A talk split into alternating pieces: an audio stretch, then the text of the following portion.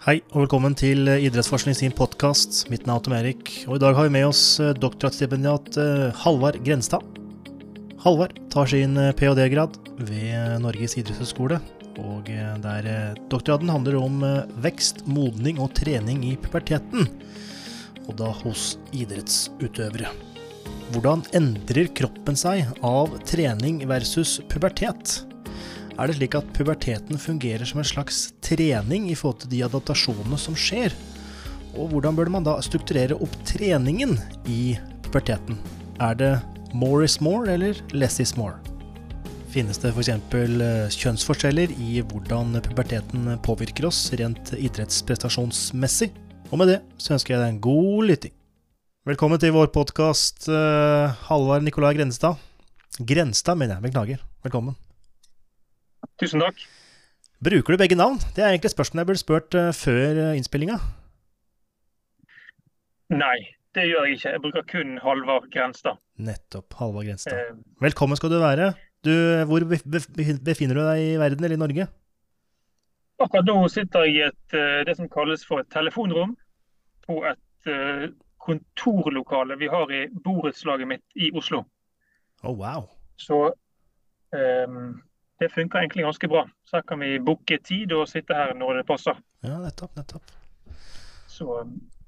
ja, Jeg har sett disse boksene på høyskolen i, eller, ja, høyskolen i Bergen. Um, eller Høgskolen i Bergen, se. Høgskolen på Vestlandet. Ja, Campus Bergen. De er ganske, ganske, intime og ganske godt Jeg vet ikke hvor godt lydisolert de er, men eh, de er iallfall Eh, noe, noe isolert fra omverdenen. Så det er jo fint med tanke på lyd i dag. Ja, de funker veldig bra. De er veldig tett, eh, tett å sitte inni. Ja. Man føler seg veldig sånn isolert. Blir de varmt etter hvert da når vi skal grille deg etterpå? Nei, det er faktisk airconditioner inne. wow. wow, luksus. Ja, men det er bra. Um, du er doktorstipendiat ved Norges idrettshøgskole. Eh, det er det vi veit, eller det vi har googla. Vi veit selvfølgelig mer. Men uh, istedenfor at vi skal fortelle hvem du er, så kan du fortelle hvem du er, i form av uh, utdanning og jobb. Og så venter vi kanskje litt med forskninga, for det skal vi ta litt etterpå. Ja. Jeg har en mastergrad fra NTNU i treningsfysiologi, som en måte i bånn. Da var jeg ferdig for knappe ja, ni år siden. var det. Jeg var ferdig oppe. Og etter det så har jeg eh, gjort litt eh, forskjellig før jeg begynte som høyskolelektor på det som den gang var Høgskolen i Bergen, som nå har blitt Høgskolen på Vestlandet, Campus Bergen. Og Der eh, jobbet jeg som høyskolelektor og med mest eh, undervisning. Eh, også etter hvert eh, litt forskning. Jeg var med å starte et forskningsprosjekt vi sikkert kommer litt inn på. Der var jeg i tre år fram til 2019, før jeg begynte som eh, doktorgradsstipendiat på Norges idrettshøgskole. Nettopp. Og det er der jeg er i dag. Ja. Så jeg er på mitt uh, fjerde år. Ja, riktig. Snart levering av din doktorgrad, eh, så jeg. August 2023. Er du i rute? Ja, den er faktisk uh, utsatt. Fordi det har kommet uh, to barn underveis. Ja, nettopp. Og da forskyves ting litt. Så med to barn pluss en sånn covid-utsettelse, så er det blitt august 2024. Ja. Så jeg har uh, ett og et halvt år igjen. Ja, ja, ja. Og det trengs. Ja, nettopp. I think you should get some kind of like I don't know uh, what you could do, like a little star on your certificate that says underneath, "Did this with children." Absolute. like uh, Tom Eric's pal Carlos What's it, what do we, what's his like? I always get his last name wrong. Balsalobra. Bals- he tweeted yeah. once like any kind of awards ceremony, it should be like a with kids section. So it's the same awards, but people with children get their own kind of uh, setup. Fair play to you, man. Jeg er helt enig. Jeg kjenner veldig på det når jeg må gå klokken tre på hverdagene, og alle andre sitter igjen på kontoret i flere timer. Eh, men man blir veldig effektiv. Ja. Jeg tror man klarer på en måte å at eh, selve kvaliteten på arbeidet blir eh, likt ja. til slutt. Ja. Ja. That's interesting. Do you feel like you might be in like flow with a bit of work or like a creative discussion, but it's almost like it's irrelevant because that's just when Barnahage closes or whatever or school? ja, du sier noe der. har du hatt noen jobber innenfor idretten? du har vel vært fysisk trener, slik jeg kan lese på NIH sine hjemmesider? Ja, jeg har gjort litt forskjellig. Både trener i barne- og ungdomsidrett når jeg studerte. Så har jeg eh, vært eh, fysisk trener i, slash assistenttrener i Fyllingsdalen i Bergen. Det var på A-laget der, da. Herrer. Ja. Så jeg har litt erfaring. Jeg skulle gjerne gjort mer nå, men det, tidsklemmen med stipendiat og unger og alt, det er veldig krevende. Så. Grunnen til at jeg påpeker det, er fordi jeg spekulerer i at uh, dette er kanskje noe av bakgrunnen til tematikken i din doktorgrad, som, som heter da, 'Vekst, modning og trening i puberteten'. Uh, har jeg rett i det? Absolutt. Ja. Jeg synes det å stå på feltet er veldig givende. Nett. Så det er klart det ligger til grunn for det man forsker på nå, da. Nettopp. Uh, Så da er vi inne litt sånn på hovedtema. Eh, du tar jo en doktorgrad, eh, snart ferdig, eller et og et halvt år til. Eh, hva er det det handler om, og hva var på en måte hensikten eller bakgrunnen for å dykdyppe i denne tematikken? Det er et tema jeg brenner veldig for. Etter hvert har fått veldig sånn god innsikt i, synes jeg. Det bygger litt på at etter hvert som vi begynte å se litt mer på det som har med ungdom og trening å gjøre, så ser man at mye av det som gjøres, bygger på det som er forskning som er gjort på voksne. Og også veldig mye erfaringsbasert på trening av voksne. Mm. Slik at uh, ungdomskroppen som går fra å være et, et barn til å bli en voksen, og akkurat det stadiet der skjer det veldig store endringer i kroppen. Som gjør at den treningen man gjør i den perioden, eh, ikke nødvendigvis skal måtte, reflektere den treningen man gjør som voksen. Mm.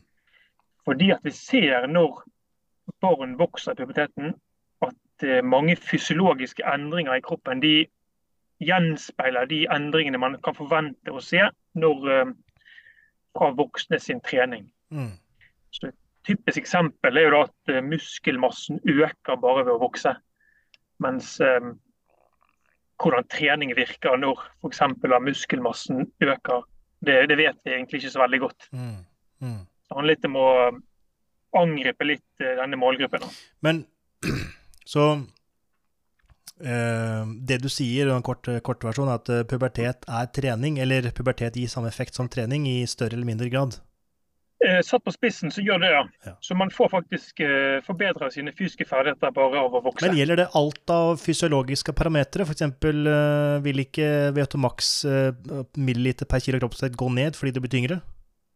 Eh, det vi ser er at For guttene sin del så eh, holder han seg ganske stabil mm. Eh, gjennom puberteten. Mens for jentene sin del så går han faktisk litt ned. Fordi at de legger på seg litt ekstra fett som eh, når det kommer til idrettsprestasjon, ikke er så veldig funksjonelt akkurat den perioden. Mm. Så hensikten med å Altså, hva, hva, er det, hva, er det, du ønsker å finne ut av? Altså, er det at uh, man ikke skal trene en, uh, et barn som en voksen? Er det det som er hensikten? Å finne heller mer tilpasningsmuligheter innenfor treningen for barn og unge? Eller hva er uh, ja, hensikten? Det bygger litt på at uh, det er liksom trend i tiden at barn og ungdom skal spesialisere seg innen idrett litt tidligere enn det vi kanskje har sett før. Mm.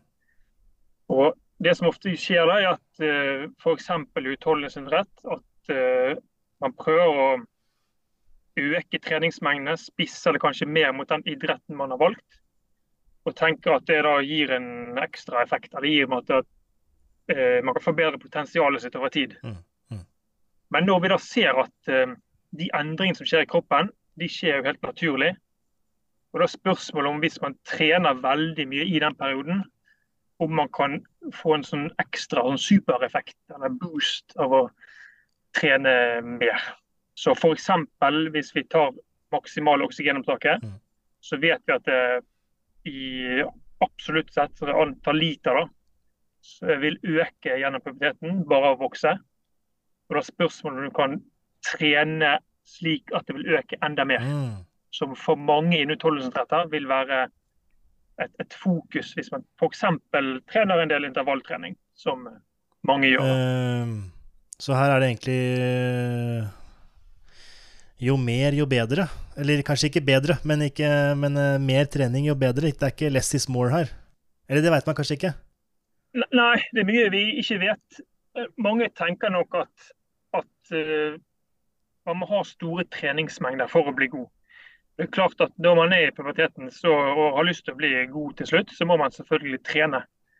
Men det er litt den spesialiseringen inn mot ulike idretter jeg prøver å angripe. Så I mitt prosjekt så ser vi da hovedsak på utholdenhetsidrett.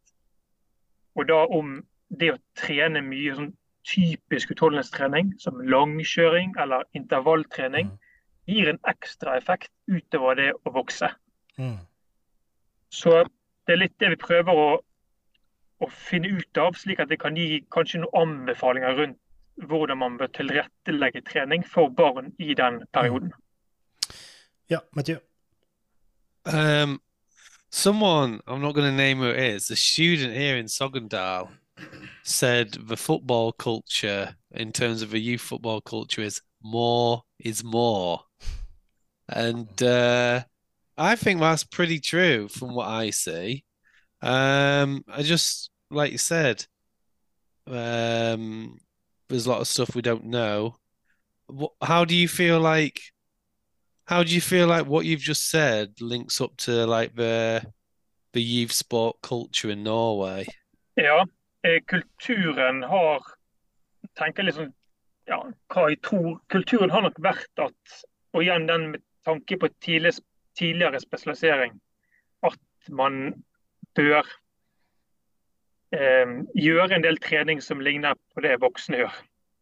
Og Kulturen i Norge har ofte vært, eller i lang tid vært utholdenhetstrening, der eh, mengde og lav intensitet f.eks. har vært et fokusområde. Når man tenker at eh, mengde er viktig for å utvikle seg. Og Det er klart at det er relevant for voksne utøvere, men for barn og ungdom i puberteten så kan det hende at å eh, trekke litt i håndbrekket og være tålmodig er kanskje den beste metoden for å bli god til slutt. Istedenfor å mate på med trening. Mm. Uh, mm. Mm. So that sounds like really good, clear, prescriptive advice, right? But do people buy into that? Uh, nei.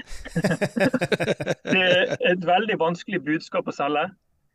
Det er klart at um, i Norge har vi en del utøvere som har slått gjennom og blitt veldig gode.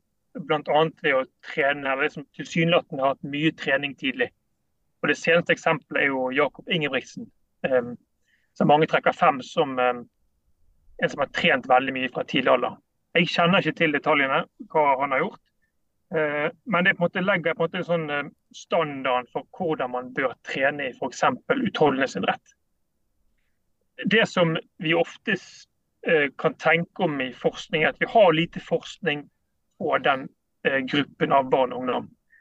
Og De som måtte kommer ut til slutt, eh, er jo gjenspeiler vi kan kalle for noe som survivorship bias. Mm. Så Vi ser på de som har blitt gode, og så tenker vi tilbake hva de har gjort. Og så tenker vi at ja, det er jo gullstandarden for hvordan vi skal trene i den perioden. Mm.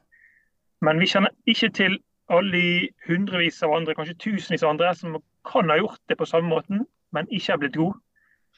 Og i forskningen, i det store bildet, så ser vi at de som som oftest blir gode til slutt, de har hatt eh, allsidig idrettsaktivitet, en variert aktivitet gjennom hele barne- og ungdomstiden.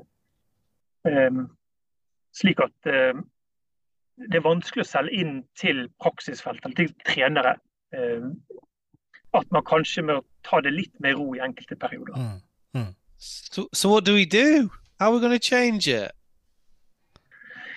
Vi må være flinke å formidle, og så må vi ha mer forskning som kan uh, underbygge de, uh, det vi tror. Fordi her er det en balanse mellom uh, mellom riktig trening, eller riktig mengde med trening med tanke på for det vekstspurt, eller peak height velocity, uh, er vel også en, et case her i forhold til treningsvolum. At uh, man kan ikke bare lesse på masse trening på barn og unge som er i vekst, fordi det kan øke skaderisikoen. Derfor slik Hvis jeg husker riktig fra Eirik Vik Halvorsen sin episode, uh, som snakka litt om dette her, uh, så er det da at uh, fordi I stad sa vi 'more is more'. det er bra. men samtidig så kan det øke skaderisikoen, i hvert fall slik jeg har forstått det. Så er det, da, er det da å finne sweet spoten for hver enkelt av disse barn og unge? Er det det som er hensikten med dette, dette ph.d.-en din? Eh, nei, ikke direkte. Vi prøver egentlig å se litt på Vi prøver å måle sånn fysiologisk sett hva som skjer i kroppen eh, når barn vokser. Og så sammenligner vi noen barn som trener eh, veldig mye utholdenhetstrening, mm. og noen som trener mindre utholdenhetstrening. Ja, nettopp, ja. Så det er sånn selve mitt eh, stipendiatprosjekt. Og så synes jeg temaet er veldig spennende, så jeg prøver å se litt bredere på det også, sånn utover mitt direkte mm. stipendiatprosjekt. Mm. Men det, hvis vi tar litt det som har med peak height velocity å gjøre, og belastning og slik, så er det helt riktig at det ser ut til at det på en måte å, å roe litt ned i den perioden der barn vokser som mest, er veldig fornuftig for å både redusere risiko for skader, typiske vekstskader, Mm. Og også da at de eh, kan eh, ja, komme ut på andre siden av vekstspurten sin som, eh, som gode utøvere. Mm. Men når man da ser på de som trener lite eller mindre, og de som trener mye, uh, hva er det man finner da? Altså, jeg håper jo at du ikke finner at de som trener mest, er best. For det, da endrer jo ikke vi kulturen noe særlig. Uh, hva, hva, har du funnet ut hittil? Det jeg kan si at De som trener mye som barn, Eh, og de, vi, vi måler fra de tolv år. Og De som har trent mye fram til tolvårsalderen, de er i bedre fysisk form enn de som ikke har trent eh, mye. Nettopp. Og Så er spørsmålet vårt da, hvis vi f.eks. tar det maksimale oksygentaket. De som har trent mye eh, når vi måler som tolvåringer, har et høyere maksimalt oksygentak enn de som har trent mindre utholdenhetstrening. Mm. Men vi vet ikke om det skyldes f.eks. genetikk. Mm eller om det skyldes treningen er gjort, eller litt av begge. Og Sannsynligvis er det kanskje litt av begge. Og Når vi da måler som tolvåringer og følger de til de er 15, så har eh, noen tidligere studier vist at eh, den endringen som skjer i denne perioden, den er helt lik mellom gruppene. Ah. De som trener mye utholdenhetstrening, og de som trener mindre utholdenhetstrening. Så forskjellen i oksygentaket, den er den fortsetter slik den var. Men endringen mellom gruppene er helt lik. Så det er på en måte en sånn flat kurve på alle sammen. Så i mitt prosjekt nå, eh, vi er, ikke, vi er nettopp ferdig med datainnsamlingen.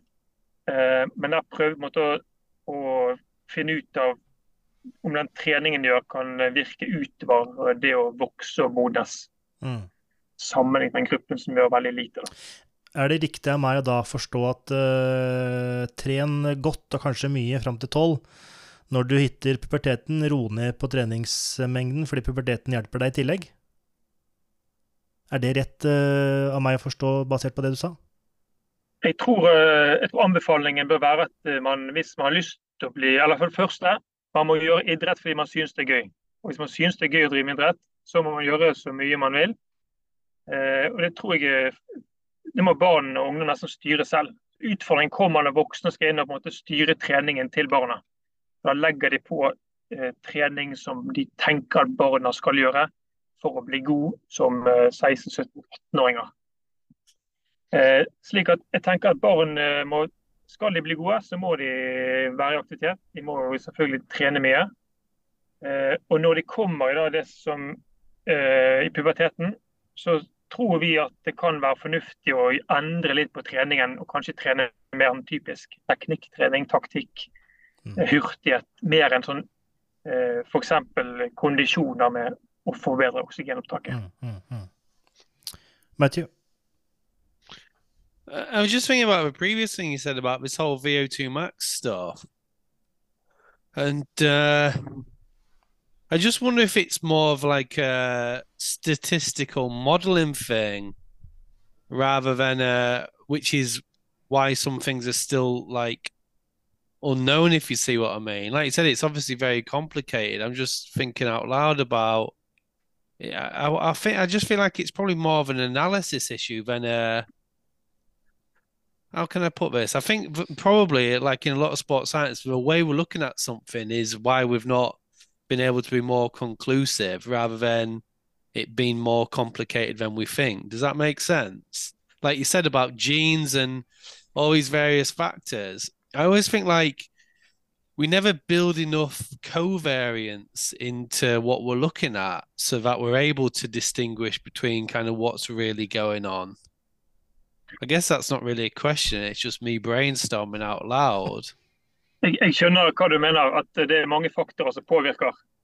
Yeah, and I feel like sometimes, I'm not saying it's you at all, Holvad, I just think more generally in the research, we often say, oh, there's probably other things that are affecting this. And it's like, well, we could probably measure them um, in a different way, or not even measure them, just kind of control for them.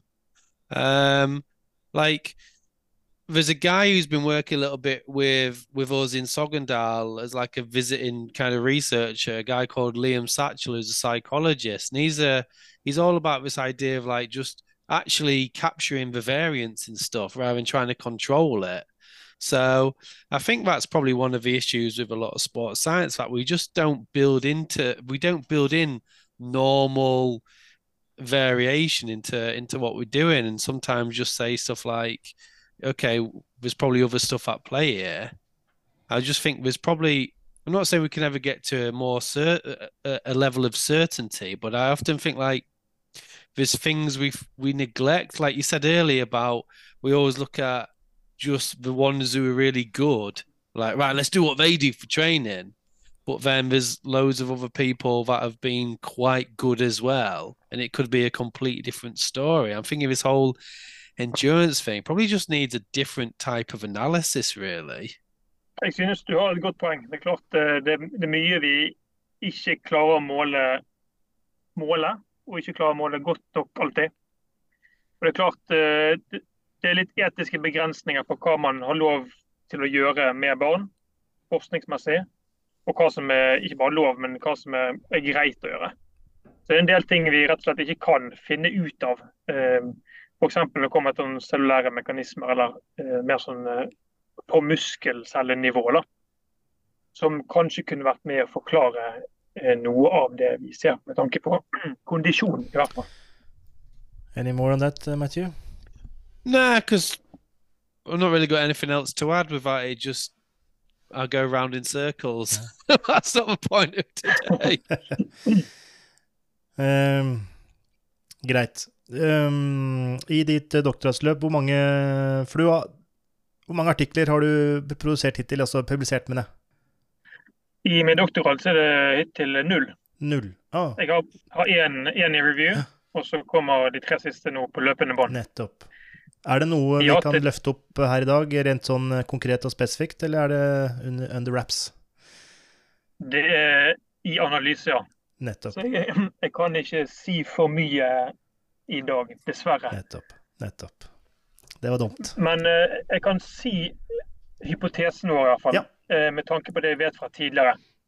er at Når vi sammenligner en gruppe som trener mye, en som trener lite kondisjonstrening, så ser vi at som jeg sa tidligere, at det er ingen endring, forskjellig endring mellom gruppene. Og eh, Nå har jeg fulgt en gruppe barn i to år i mitt prosjekt. Og Hvis vi finner noe annet, så blir, blir jeg overrasket. Det kan ikke utelukkes, men jeg vil, jeg vil tro at vi finner ting som går litt i samme linje. Nettopp. Og hvis man gjør det, hva vil da være take home message fra din ph.d.?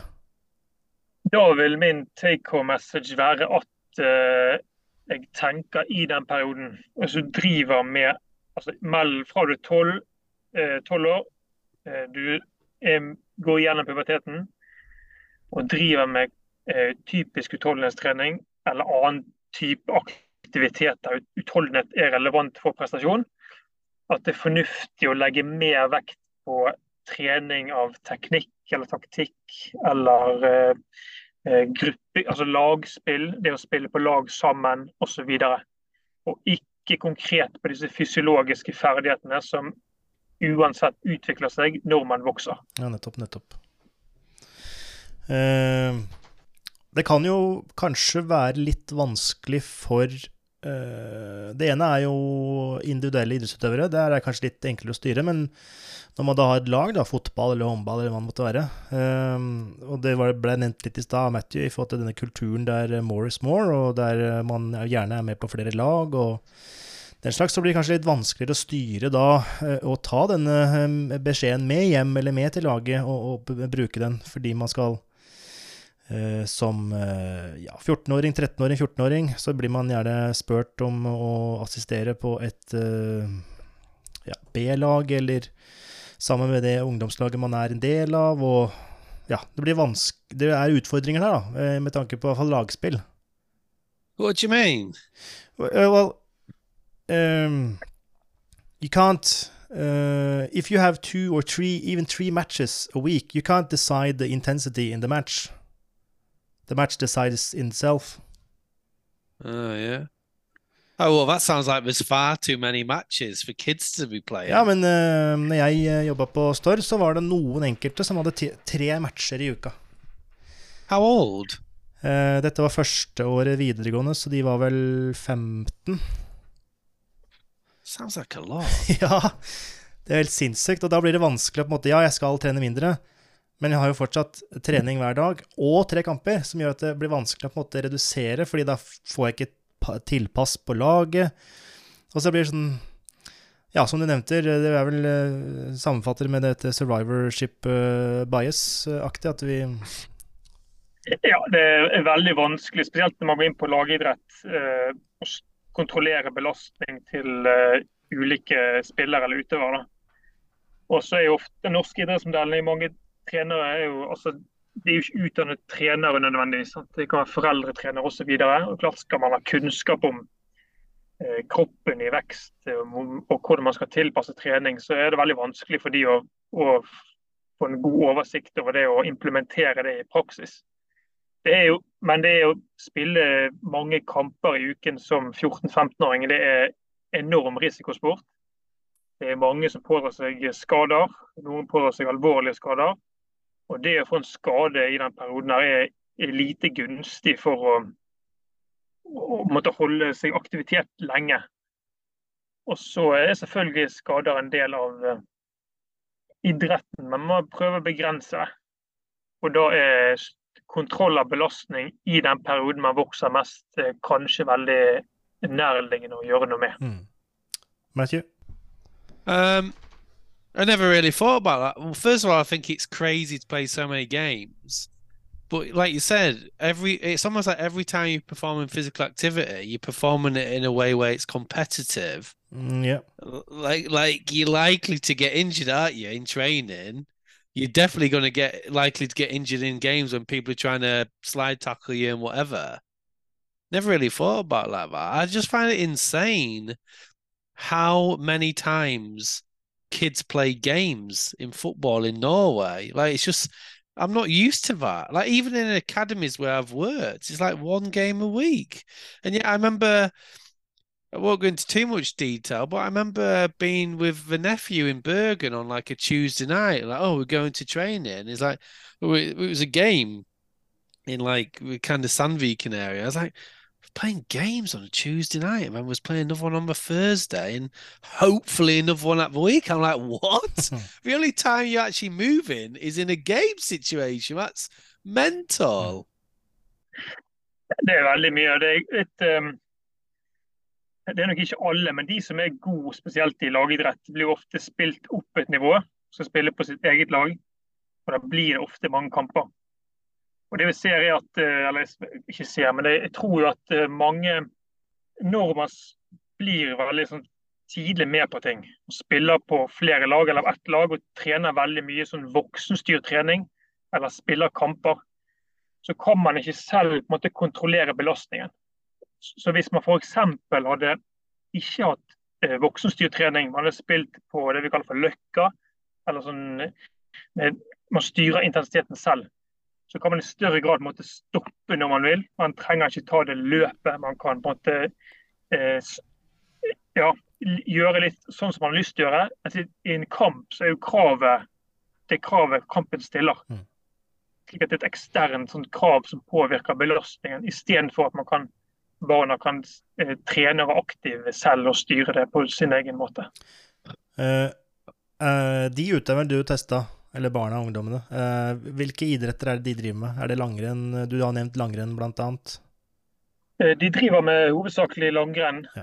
en del løping. Ja. Og så i den alderen er ofte har flere idretter, så det er litt lagidrett i tillegg. Ja. Er det vi snakka om kultur litt tidligere. I forhold til individuell idrett versus lagidrett, er det forskjell på kulturen med tanke på den utfordringen eller problemstillingen du løfter opp? Med tanke på belastning? Ja, med tanke på trening. belastning og med tanke på å ta vare på eller se treningsvolum i en uh, pubertetssammenheng og, og, den type ting. At det er uh, Nå slenger jeg bare en ut hypotese at det er mer uh, imøtekommende og lettere å få det til på individuelle idretter versus lagidretter. Nå spør jeg kanskje om mye, men la oss prøve. Det vet jeg ikke hvordan det er i ulike steder.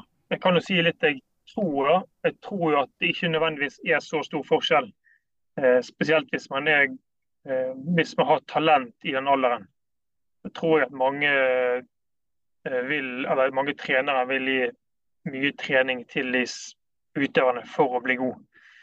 Og litt det å tilbake til jeg sa tidligere, at vi på en måte angriper den tidligere spesialiseringen at barn og ungdom i den alderen skal trene veldig mye. Er klart De ser opp til de voksne utøverne som er best. Sant?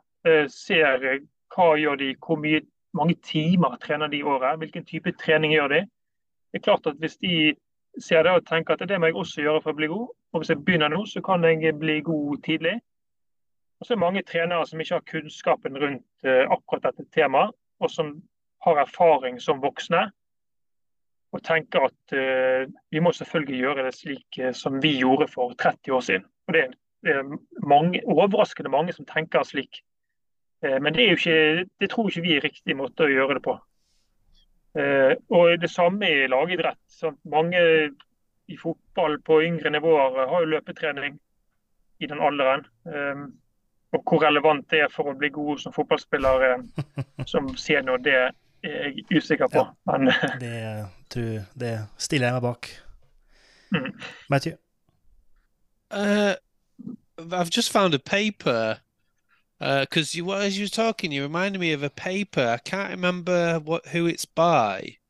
It's a few years old now. I was looking at um, what young kids do with football uh, as a predeterminant whether they become successful or not. And this paper is trying to suggest that it's it's one of the key factors was total number of hours playing football I need, I'll have to find it. I'll find it as we're talking more. But it, I pretty much read that as they say, okay, so you're basically supporting this idea of early specialization more and more, and more, and more. But then they even concluded, oh, but we've not even considered like whether the kids were doing several sports. They didn't even ask them, mm. so which is crazy. But I was just looking at a paper as you was as you was talking because it's reminded me of a couple of things. Like First of all, the other day I saw something advertised as an Idrets Barnehage, which I'd never seen before. And then we talked to Nina Selberg. Have I said the name right? Yeah. And she was mm-hmm. looking at like top Idrets Wiedergander, which I obviously found quite yeah. bizarre as an English person. But I've just found this paper by Musaid et al.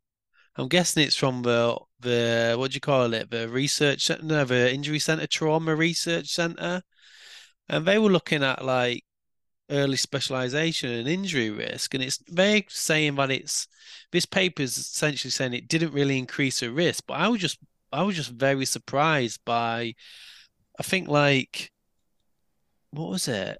Something like 40% of the participants reported to specialize from 12 years old. That's pretty crazy.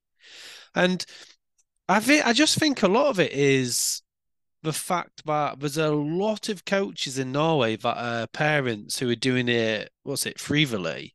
So I don't want it to be like a like I don't want it to sound disrespectful in any way, but these people are giving up the time, and I know that a lot of them don't have coach education, And I've just been going through some NEF trainer stuff as part of rugby, and I've kind of been sat there and like, I Reich's probably going to listen to this, so it's no disrespect to him, but I'm sat there thinking, bloody hell, this is basic.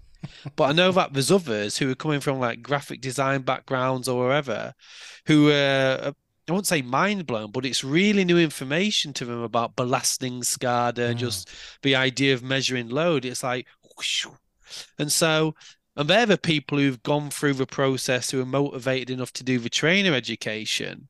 But I know that there's loads of parents who probably don't, understandably so. Understandably so, because they're already given up enough time. Some of these courses, like on a weekend. So I can see why they're not engaging it. But I, I think that might be some of the solution here. If we can get more people through some generic like trainer route done in. Jeg er helt enig. det ligger jo, ansvaret ligger på forbundsnivå, de ulike forbundene i de ulike idrettene. Jeg, jeg støtter veldig den norske idrettsmodellen der ting, i hvert fall i yngre alder, skal være altså Man skal ikke betale trenere nødvendigvis. Det, det, går, det, går, ikke opp til slutt. Det blir for dyrt. Og det skaper et klasseskille i idretten. I Oslo nå er det et kjempeproblem, eller iallfall et problem, at um, så, så mange av klubbene, spesielt i fotball, på vestkanten i Oslo ansetter eh, profesjonelle trenere som trener barn. Eh, og de, de, barna som er med i de klubbene, får da bedre oppfølging enn de som da er i Oslo øst, som da ikke har råd til å ansette disse trenerne. Og som også har utfordringer med, at, eh, med frivillighet i klubbene. Så jeg tror det er viktig at, at, man ikke, altså forbundet kan og det gjør de, det vet jeg, de prøver å utdanne trenere foreldretrenere til å, kunne forstå det grunnleggende, basic, og kunne implementere det i, i praksis. Mm. Så at vi holder på det, og ikke nødvendigvis profesjonaliserer alt så tidlig ennå. Yeah, that's a really good point. Ja. Uh, så basert på altså allsidighet versus tidlig spesialisering Vi ser jo sånn rent uh, anekdotisk eller erfaringsmessig ute i idrettsfeltet. Du nevnte jo Jakob Engewitzen, og nå veit jeg ikke hvor spesialisert Karsten Warholm var, men uh, han drev med tikamp, så han var vel kanskje ikke så spesialisert, faktisk. Uh, så er det kanskje et mot, motstykke til Jakob. Men hva, hva, hva, hva, bør vi gjøre? Altså, er det individuelt? Er det sånn at folk flest bør gjøre allsidig? Folk flest bør starte spesialisert? Eller altså Du, du sa jo at opp til tolv år, eller de som er tolv år, uh, som har trent mye, er også bedre, eller har iallfall en høyere VTMAX. Mm. Uh, taler det for en spesialisering, taler det for en allsidighet, eller uh, når man da får en effekt av puberteten, taler det for allsidighet, taler det for spesialisering, eller ja? Jeg mener jo med det forskningsgrunnlaget vi har, at uh, ting taler for allsidighet hele veien til man er ferdig utvokst som en voksen kropp. Og Det kan jo være individuelt er forskjellig. Eh, noen jenter kan jo bli, få en voksen kropp i, i 13-14-årsalderen. Noen gutter i, når de er 20. Det er veldig stor forskjell, også innad blant kjønnene. Sånn at jeg, jeg, tror ikke Det er ingen få tegn i forskningen som tyder på at de å spesialisere seg tidligere er hensiktsmessig for å bli god eh, toppresultater. En annen ting i dette som vi også synes er veldig viktig, er at man fokuserer ofte på de, den lille promillen som til slutt blir toppidrettsutøvere. Men så er det 99,9 andre barn her som driver med idrett fordi at de synes det er gøy og synes det er kjekt. Og Hvis de slutter som tolvåringer fordi at det begynner å bli for alvorlig og for spisset, så har vi gjort noe veldig, veldig feil. Fordi at målet med idretten skal være at alle får glede av det og kan få en, en lang um, si, karriere med å være aktiv. De blir ikke toppidrettsutøvere. Det er nesten ingen som blir det. Uh, og Derfor er det viktig at man tar vare på massene. Og i tillegg kan, kan gi de som har, har, lyst til å bli veldig gode, eller potensialet for det etter hvert, eh, muligheten også til det. da. Matthew? Have you have you always thought that, or has that kind of philosophy shaped or developed through your research, or I'm just wondering whether you've always had that opinion. Jeg, jeg tror det har kommet litt etter hvert, fordi at um, det er så mange som har eh, mange, jeg, jeg, Nå snakker jeg sånn jeg, jeg, tror og mener at uh, det er en utfordring at mange vil hele tiden jage etter å skape en toppidrettsutøver som skiller seg ut fra andre. Men det er veldig vanskelig, og det er nok mange ting som vi kan gjøre som vi ikke helt har kontroll over.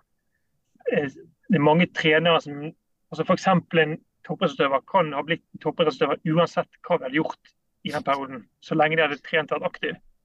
Og litt tilbake til denne survivorship bias. altså De ser hva de har gjort. Men det er på en måte eh, Jeg mener det er på et samfunnsnivå at det er så viktig at, at barn driver med idrett og har idrettsglede. Det er det som, som, varmer litt som en trener når man er på feltet. Heller at man skal på en måte spisse det for de få enkelte som kan bli god til slutt. Så um, ja. Jeg tror um, Det brenner jeg faktisk litt, litt for. Jeg syns det er viktig. It's almost like a double-edged sword, then, isn't it? In a way. Correct me if I'm wrong, but it's like obviously some of your your work is showing like it like you just said, to specialize doesn't really mean you're going to be good. And then if you're only specializing, you're potentially excluding other people. So it's like this this idea of creating this like elite athlete environment too early. One, it's not actually creating elite athletes, and two, it's excluding the rest. Hmm. So just sounds like a bad idea in general, right? Jo, men det er litt sånn i praksis at det, det, det blir litt sånn feil men, men, det har blitt eh, slik.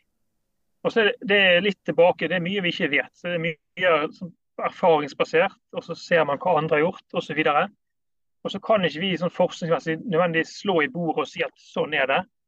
Eh, det skulle vi gjerne gjort, men vi er nødt til å være litt eh, forsiktige med å komme med anbefalinger uten at vi helt kan stå inne for det.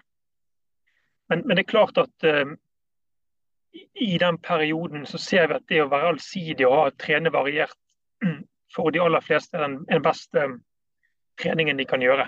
Når det kommer til at uh, de som spiller på elitenivå, er jo ofte bedre trent. I hvert fall på mange fysiske, fysiske kapasiteter.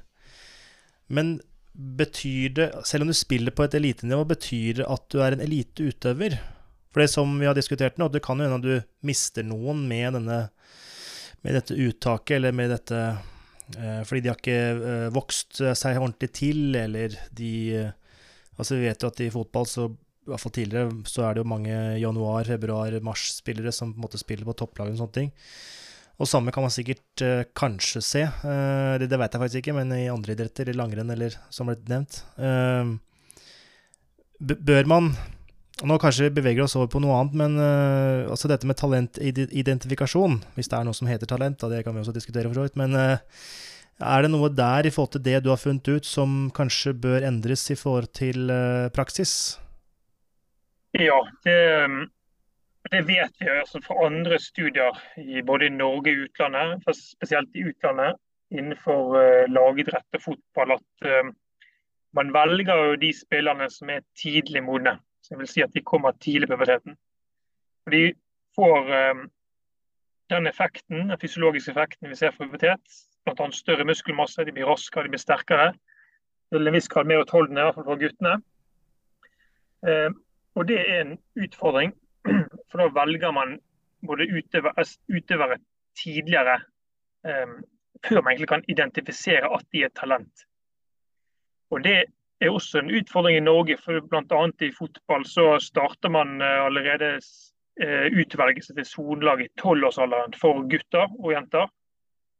Og Guttene i den alderen de har jo da ennå ikke nådd sin vekstspurt, de fleste. Men noen kan jo ha gjort det. Og da har de kommet tidlig opp til den og vil få en fordel fysisk. Og Et eksempel her som er relevant for fotball, er at Eh, hurtighet og det å være rask det er veldig et stort krav, spesielt i voksenfotball.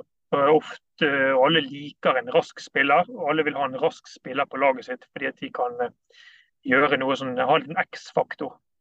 Der ser vi at eh, det er naturlig at man velger de tidlig modne spillerne i den alderen fordi de er raskere enn de andre. Og Da er det vanskelig for de som ikke har kommet til puberteten å komme med på laget. Mm, nettopp, nettopp. Eh, men i forhold til eh, Dette er eh, på slutten av vektspurten, men så sa vi også at det er ganske stor variasjon i at når noen er ferdig utvokst, til og med 20 år hos guttene, er det sånn da at vi Nå tar jeg et ekstremt eksempel som er litt på grensen til tullete, men bør vi da ikke identifisere talent før de er 20? Is it you? Are you the extreme example? No, no, no, no, no. Just a fictitious one. I didn't I didn't understand that joke, Matthew, but that's fine. You you're the extreme example of like. I, I was I was a talent when I was twenty, but I was never picked. Is that what you mean? Yeah. also, the idea that you did all of your growing at twelve and then you stopped.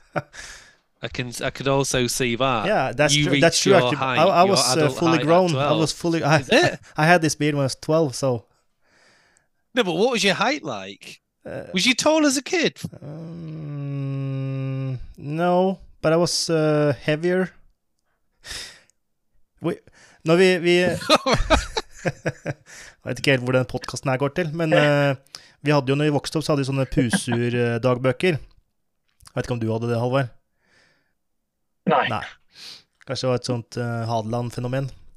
Vi hadde i hvert fall uh, ofte puser. Uh, altså puser som i Jeg vet ikke hva som er What is uh, It's a, I think it's an American cartoon with a cat and a male owner. yellow cat. Garfield. Ga yeah, Garfield. It's called Garfield. Pusur in mm. Norwegian. we had a, I had a Garfield, or everybody had a Garfield diary. Uh, Så da skrev vi alltid vekta inn, for jeg spurte om vekt. Det står alltid vekt, eller kilo kroppsvekt. Og da når jeg skrev inn, så var det sånn Å, fy fader, veier du så mye? det var alltid sånn 10-15 kilo mer enn alle andre, stort sett. Så det Om, uh, om jeg var tidlig. I'm just trying to work out how that That's nothing to do with like whether you're a late or early developer. That was just the fact that you were heavy. Nei, jeg tror jeg hadde mer, mus mer muskelmasse enn folk flest. da. I was I was I was just asking you whether you was an early or late bloomer in your group. You've just told us you was heavier than everybody. Yeah, in terms of I was an early developer in muscle mass. Oh, okay, okay, fair enough. Right, understand that. What did you think? Just like you really fat. no, I was heavier. I didn't say fat. Okay. I was heavier. Okay. Ja, nå spora vi helt, da. Uh... jeg tror du var inne på om vi, om vi skulle vente til de var 20 år ja, i det ekstreme eksempelet med å identifisere talent. Ja. Kan det stemme? Ja, stemmer. stemmer. Ja.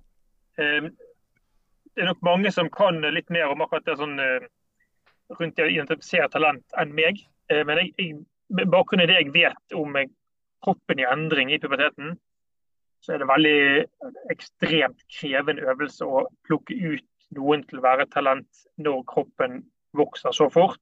Og det er så forskjell mellom eh, ulike utøvere og individer. Så skal man, når alle er ferdig med puberteten og vokser, så egentlig da er, da er tilbake til status quo. Og da kan vi begynne å se at trening kan begynne å virke likt igjen for alle, og alle på en måte har et samme baseline. Slik at det å vente lenger med å velge ut noen til satsingslag, eller velge ut noens talent, det virker fornuftig ut ifra det vi vet. Men det strider jo mot det praksis har lyst til. Så Hvis vi går til, til Matthews sitt England, der man skal ha spillere inn i ni år til akademiene, så er det klart at da blir det jo veldig utfordrende. Men det er den modellen de har lagt opp til.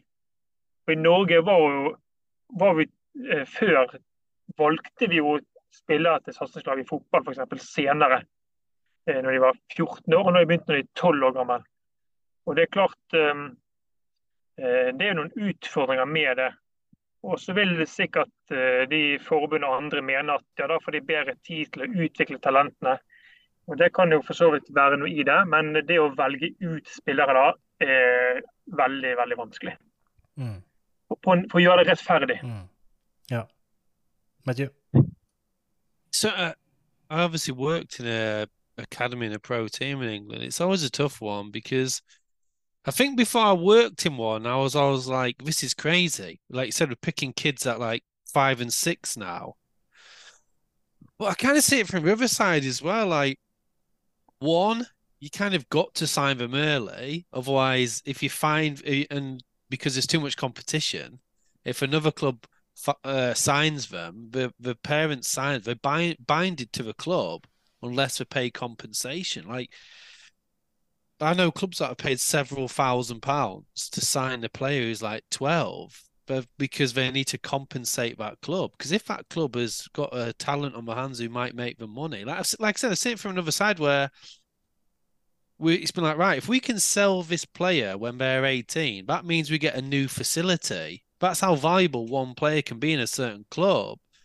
So I can understand why they get signed early and I can also see that for some of them, it's actually really good for more broadly about it's a bit of stability in my life. You get a lot of variation backgrounds in a football academy. And for some of them, it can be like life changing for them, even if they never make it, because they've had a bit of constant in their life. They they don't have to pay for anything. They're supported. They get nutritional education. The parents get to go to workshops. So I can see it from the other side, but then there's also the dark side of that. Yeah, they probably are recruited too early, but they're also cut too early as well. Hmm. And one of the things I used to do was I just used to measure peak height velocity or estimate it, and I just provide an update. And sometimes it meant some kids stayed in a system longer. I remember specifically one kid was potentially going to be released from the club. And when I gave him the date, I said, I think just give this person a bit of time. They might suddenly like grow very quickly. And that person stayed in the academy for two or three more years. Okay, they didn't make it pro, but again, they got to be in that environment for a few more years that they would never have get uh, at grassroots. I guess the difference really in England is the academy compared to grassroots, in my opinion, is massively different compared to say the offer. Sometimes the offer isn't too massively different. I think in some Norwegian, in some areas of Norway. So I, I kind of get, I get both sides. It's just, it's just generally a, a challenge, I think. Jeg er helt enig. Jeg, jeg kjenner ikke godt nok til den engelske modellen, som er litt forsiktig med å kritisere eller si ting.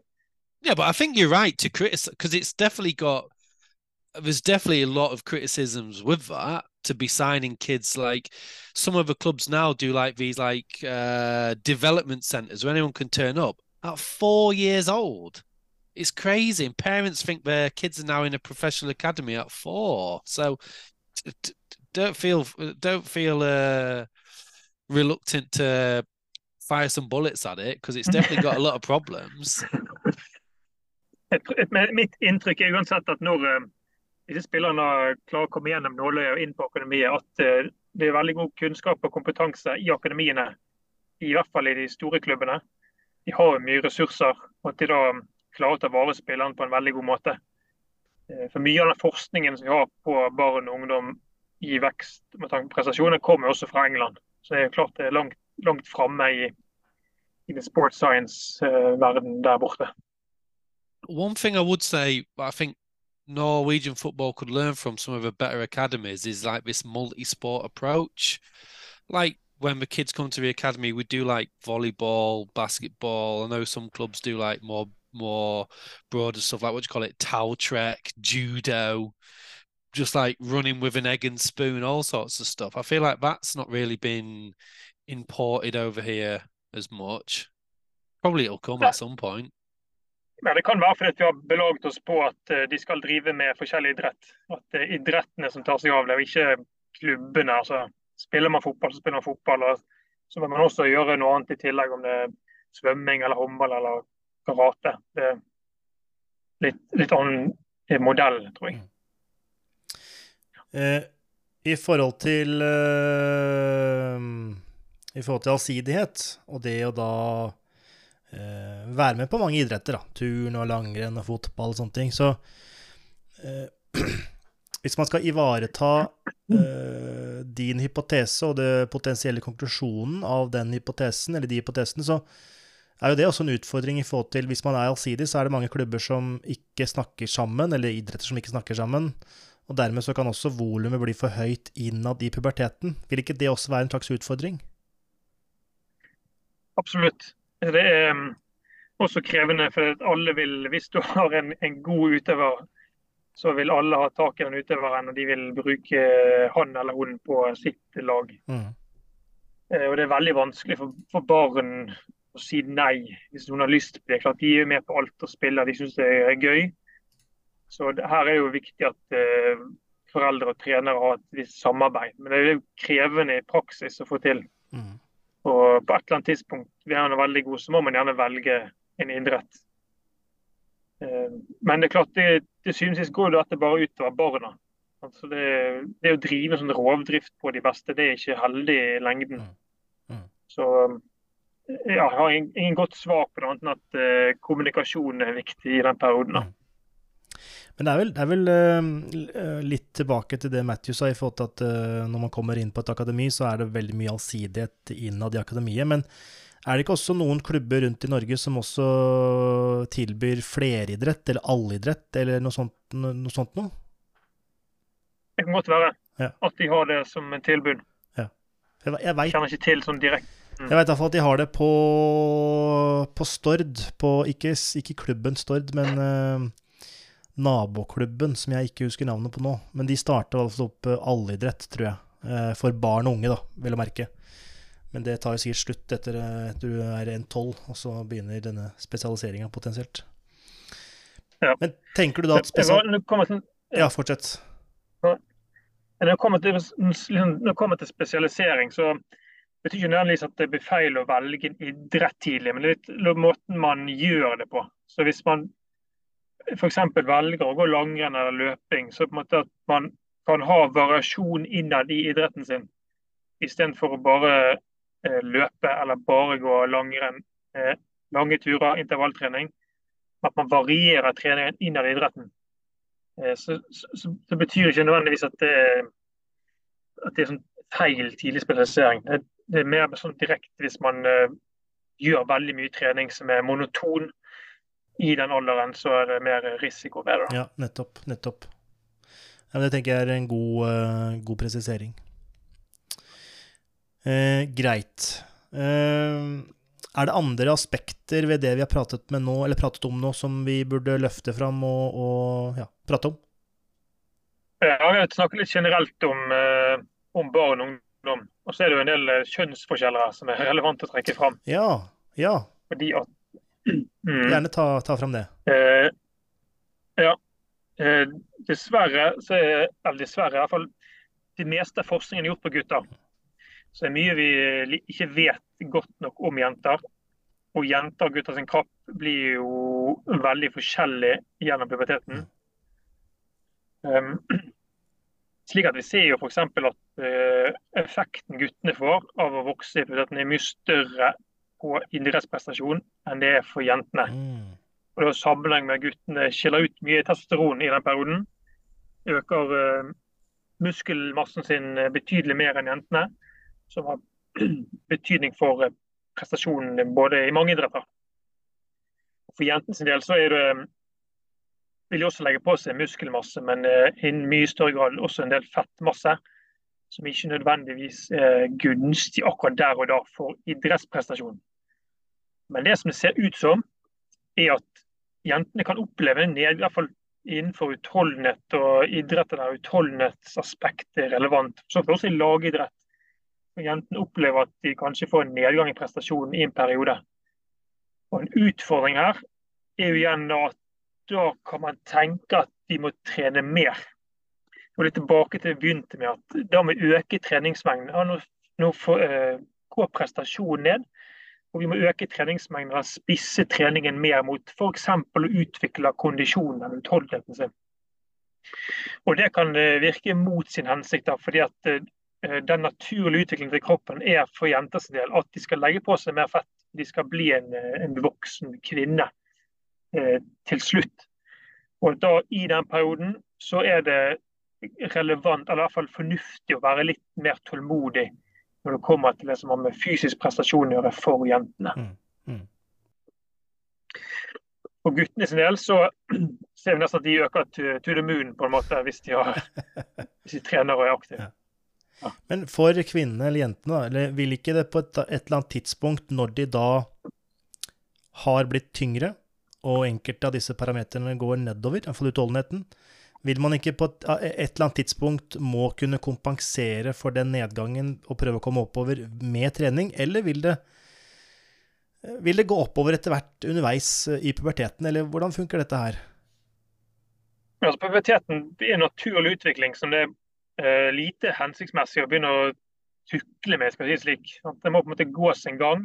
Man må trene variert, spise sunt, sove osv. Og så når man er ferdig å vokse, har blitt, måte, kroppen har blitt voksen. Det kan være forskjellig. Noen kan være 16 år, 17 år, 18 år, noen kan være 15 år. At man da kan begynne å trene mer sånn spesifikt inn mot de ferdighetene man ønsker å forbedre. Og da over tid kan man selvfølgelig se en forbedring eh, for jentene også. Eh, så, så, jeg tror at det å, å, å tenke litt sånn at man får en prestasjonsnivå og legger på mer og mer, mer trening, at det blir eh, litt, eh, virker mot sin hensikt. Eh, fordi at det kan påvirke en del fysiologiske prosesser som er relevant for, for prestasjonen. Mm, mm. Og det da større grad hos kvinnene enn hos guttene. fordi det at det er forskjell mellom gutter og jenter, er jo ikke noe Hva skal jeg si Det har ingen betydning, for det er jo veldig få miksidretter her i verden. Så det hva skal jeg si Blir det da på en måte betydningen av disse funnene, eller disse tallene, at man må ha en litt uh, ulik vinkling til jente- og gutteidrett? Ja, det tror jeg man må ha. Også fordi at vi ikke vet så mye om jentene og trening i den perioden, så er det mye vi ikke helt kan slå fast. Men uansett kjønn så må man tenke Eh, rundt belastning og variasjon av trening. Det måtte ligger eh, generelt til grunn. Og så eh, vil nok oppleve guttene da at, at de fortsetter bare å forbedre seg. Fordi at de vokser og måte, de fysiologiske prosessene de, som de opplever, de gagner prestasjonen deres. Mens for jentene sin del så er det i mindre grad. Hvis, seg, hvis jenter begynner å sammenligne seg med guttene, f.eks. innad i et langrennslag eller noe sånt, hvis de jo trener ofte sammen i den perioden, så eh, kan det være litt krevende. For de kan ikke se at de, de får ikke samme framgangen som guttene. Mm, mm, mm.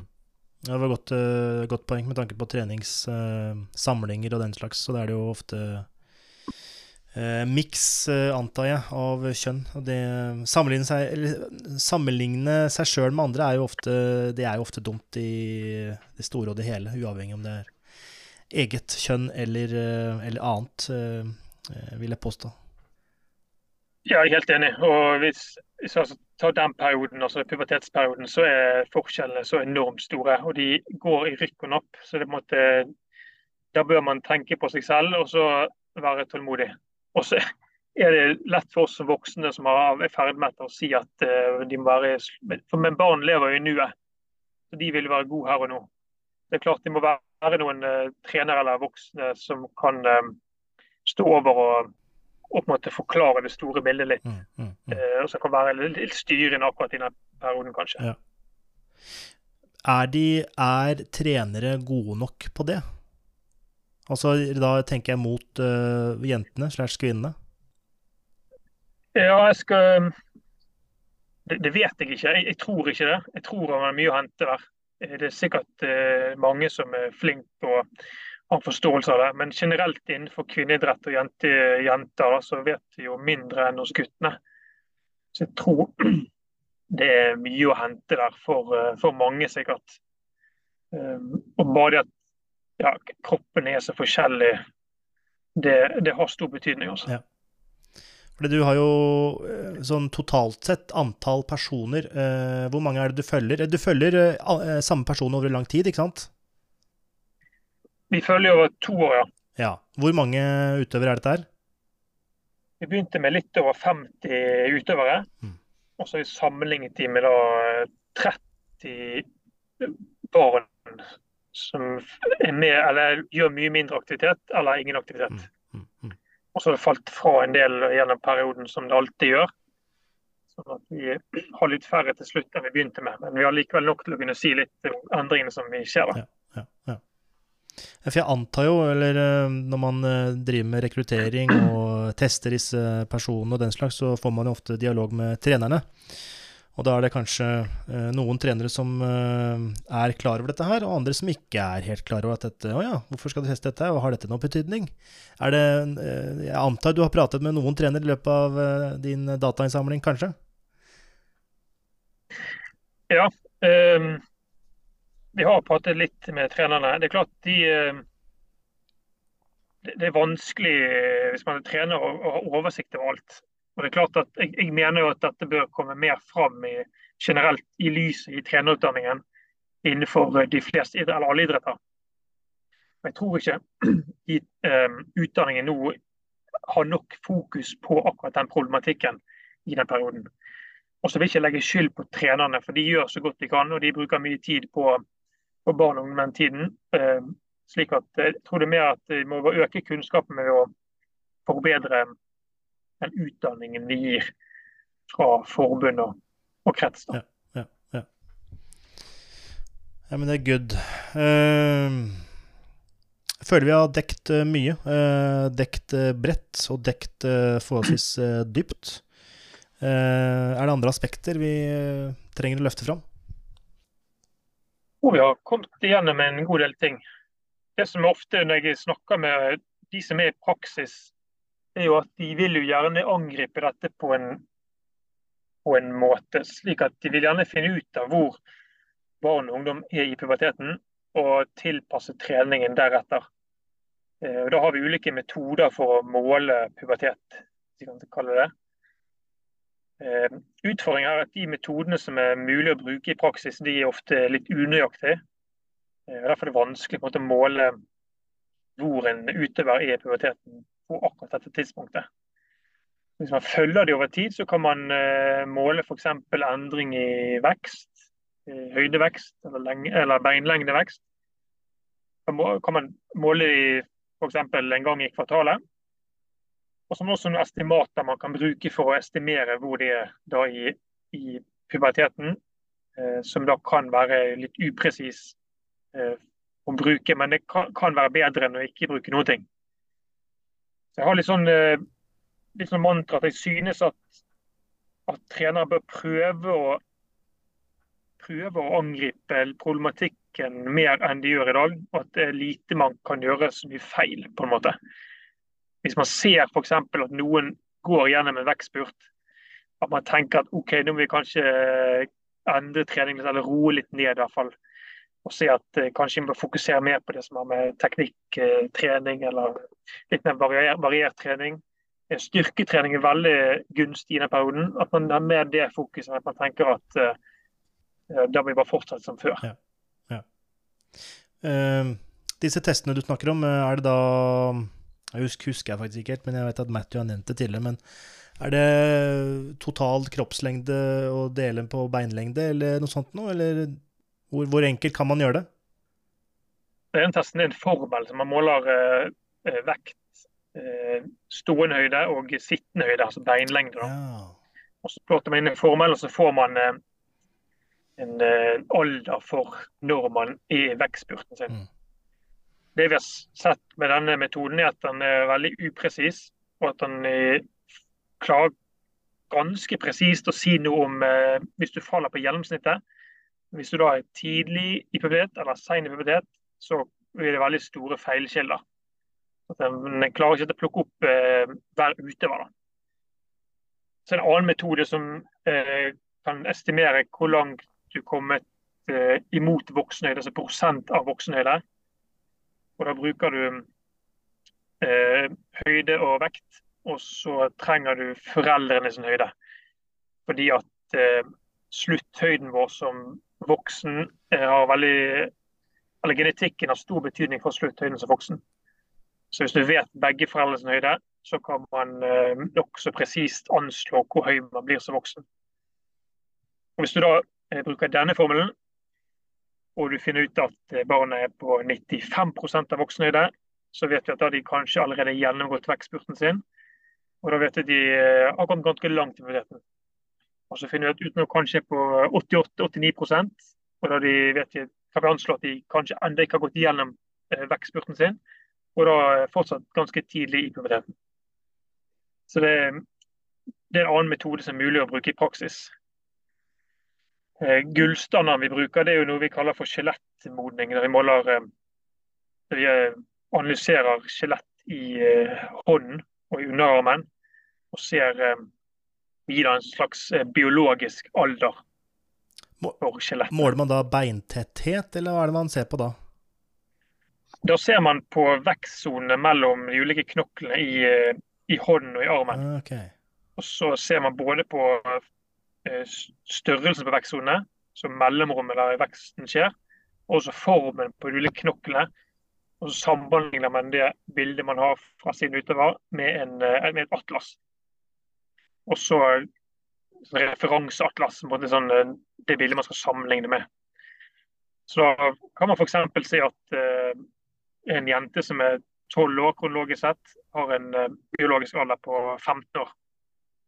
Fordi at hånden, eller de vekstsonene er lukket. da. At skjelettet er på en måte ferdig utvokst. Ja. Men det er vel hakket hakke dyrere enn å få fram en uh, tape measure og måle lengde og spørre høyden til foreldre? Det er hakket dyrere. Og eh, også litt sånn etiske begrensninger med tanke på røntgenstråler og sånt. Som er minimale, skal sies. Men de, de ledende akademiene i verden de bruker jo denne metoden. Men eh, i, med mindre ressurser så kan man komme langt å bruke enklere mål. Men uh, både her i Sogndal og klubber rundt om uh, Ikke at jeg har vært i alle klubber, jeg har vært i heller få klubber enn mange klubber. Men uh, jeg har aldri hørt om at folk bruker eller spør om hvor høy er foreldrene dine og måler lengde eller kroppsvekt og sånne ting til, å, til, til, dette formålet. Det har jeg aldri hørt om. altså bli, bli gjort. Blir mm. det gjort? Veit du noe om det? Ja, noen det kommer, eh, det kommer nok mer og mer. Det er en del som, en del som gjør det. Mm. Og i hovedsak eh, brukes det til å styre belastningen kanskje mer enn å spise trening. Slik at man kan eh, De som du sikkert har hørt på tidligere podkaster, f.eks. med eh, Eirik Halvorsen Vik, som har gjort veldig mye god forskning på dette, eh, og andre, da, at man ser at risiko for typiske vekstskader ulike stadier i veksten sin. Så ved å måle hvor man er i veksten, så kan man endre belastning litt, eller variere aktivitet, slik at man kan redusere risikoen for skader i den perioden. Matthew, did you just say you've not? Did you just say you've not come across No, never. People talk about parents' heights before. Så først, Første gang jeg hørte om biobanding, eller måle høyde og dele Altså måle sittenhøyde, totalhøyde og sånne ting, det var uh, når Matthew kom til Norge. you brought it over the pond. I, you know what I actually think I did? I'm convinced the first bio-banded football tournament in Norway was in Further when we did it with a for a batch-up gather a couple of years ago. I might be wrong. It got it. It's definitely the first one in this region. I'm I'm sure it's one of the first biobanded tournaments in in Norway. I'm trying to think where I why I know about it. I can't remember. I can't remember why I got uh, where I was introduced to this whole area from. Uh, part of it was out of necessity. But when I was in a football club with pretty low resources, I really only had like a tape measuring weighing scales. And so I was like, I think I just started to explore what can I actually do other than height and weight. And then that was, for me, measuring this stuff is such an easy, tangible thing you can have pretty, pretty big impact on in a club setting with very little resources or very low resources. Okay, there's loads of issues with stuff like, for example, the Karmish and Roche method and the Mervald method in terms of predicting peak height velocity, they've all got issues from where things like the initial sample the equations were developed from. but it's a fairly easy win, even if it's not super accurate, obviously, compared to X ray. For me, if it's just making a coach a little bit more uh, can you say the word bevisst, or does that literally mean like literally conscious? If you can just make them a little bit more aware of like, okay, that person's maybe in a weird stage of their growth, then I think that's fine. But I'm trying to think where I where I was introduced to this stuff from. I just I think I was aware of what we was doing at the University of Bath with like Sean Cummins and all that lot and Dave Dave uh, Johnston. But um adult height's an interesting one. So let me give you an example of how we used it once in a club. But we've talked about signing players, right? So in England, you get signed to what's called a YT, a youth team contract.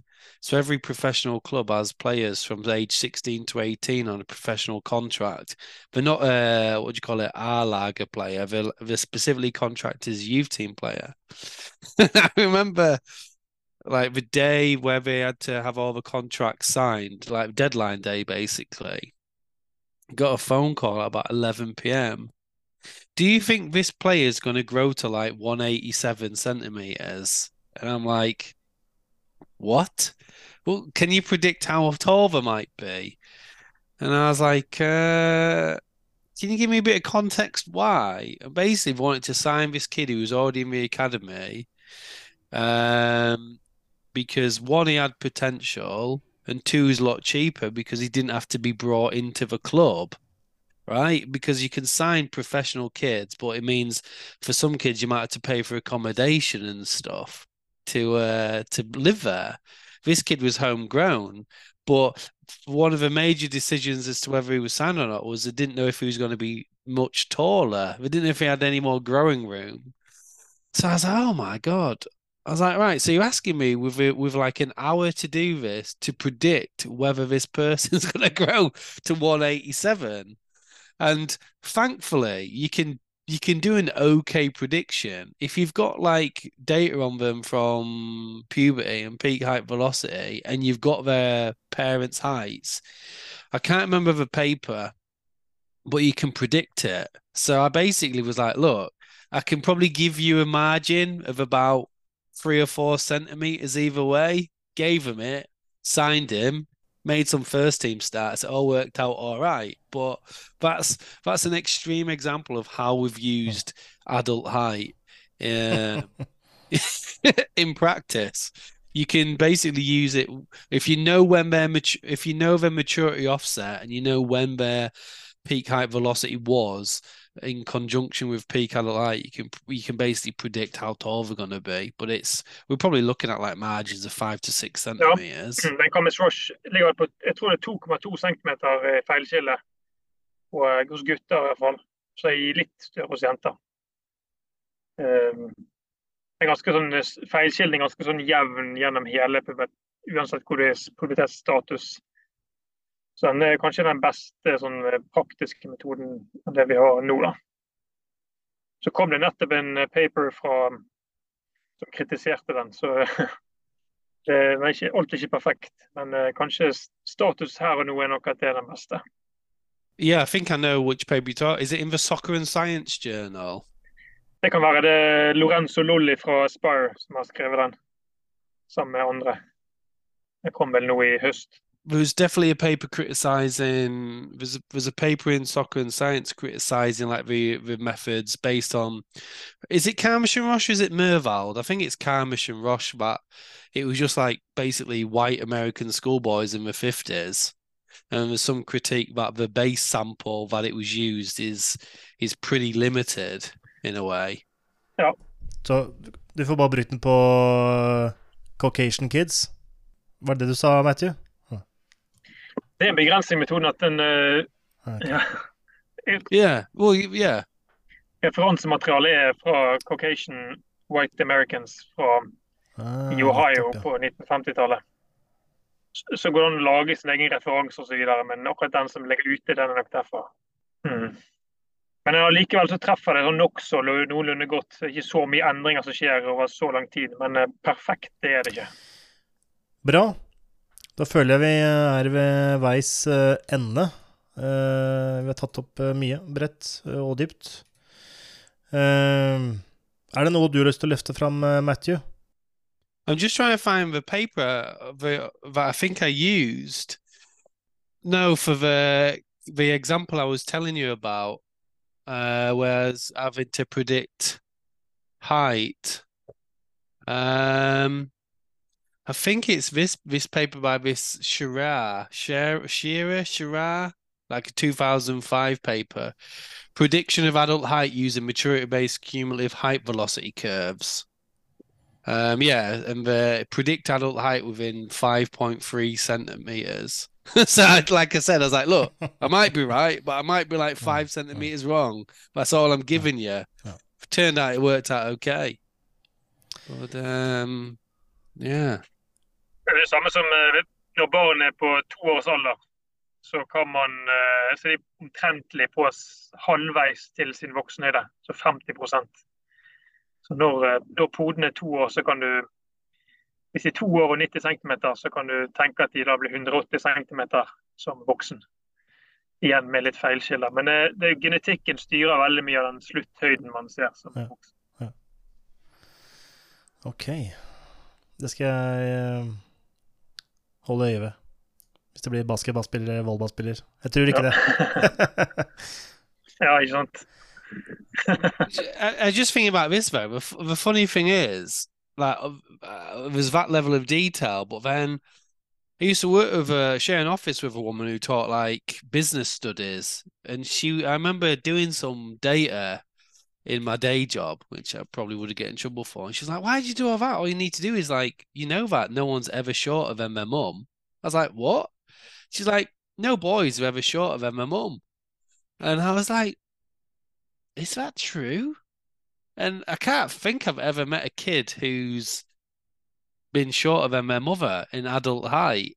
And so it's like you do all this, and then some random woman, she just kind of turned a chair around, like, you don't need to do any of that. Just look how tall the mum is. It's ja. fairly valid. Det, ja. Det er sjelden jeg har, uh, sjelden jeg har observert det, ja, men uh, ja. Good. Uh, hvis man ønsker å følge din virksomhet videre, Halvard, hvor er du å finne på den digitale eteren? Eh, jeg er på Twitter. Prøver å holde meg aktiv der. Eh, men så prøver jeg å legge ut relevante ting også, så jeg kommer ikke alltid like mange oppdateringer. Men det kommer sånn i rykken opp, og noen ganger oftere enn andre. Så jeg pleier å dele forskning eh, som er relevant for det jeg driver med. Både min egen og, og andres sin forskning. Jeg tror nok det blir det beste stedet. Og legger vi selvfølgelig lenke til din ResearchGate og doktorgradssida. Eh, og så blir det spennende å følge deg fram til eh, august 2024. Og så, så, får vi spørre veilederen din, Jostein, om du kan få en stjerne inne på den doktorgradstida. Med tanke på to, to kids. to kids. Yeah. Ja. Two stars! Two stars, ja. Burde, burde betrakte. Ja. Nei, men fint. Da vil jeg takke for praten, Halvard. Tusen takk for meg. Takk for å bli invitert. Det er veldig kjekt å prate om dette temaet.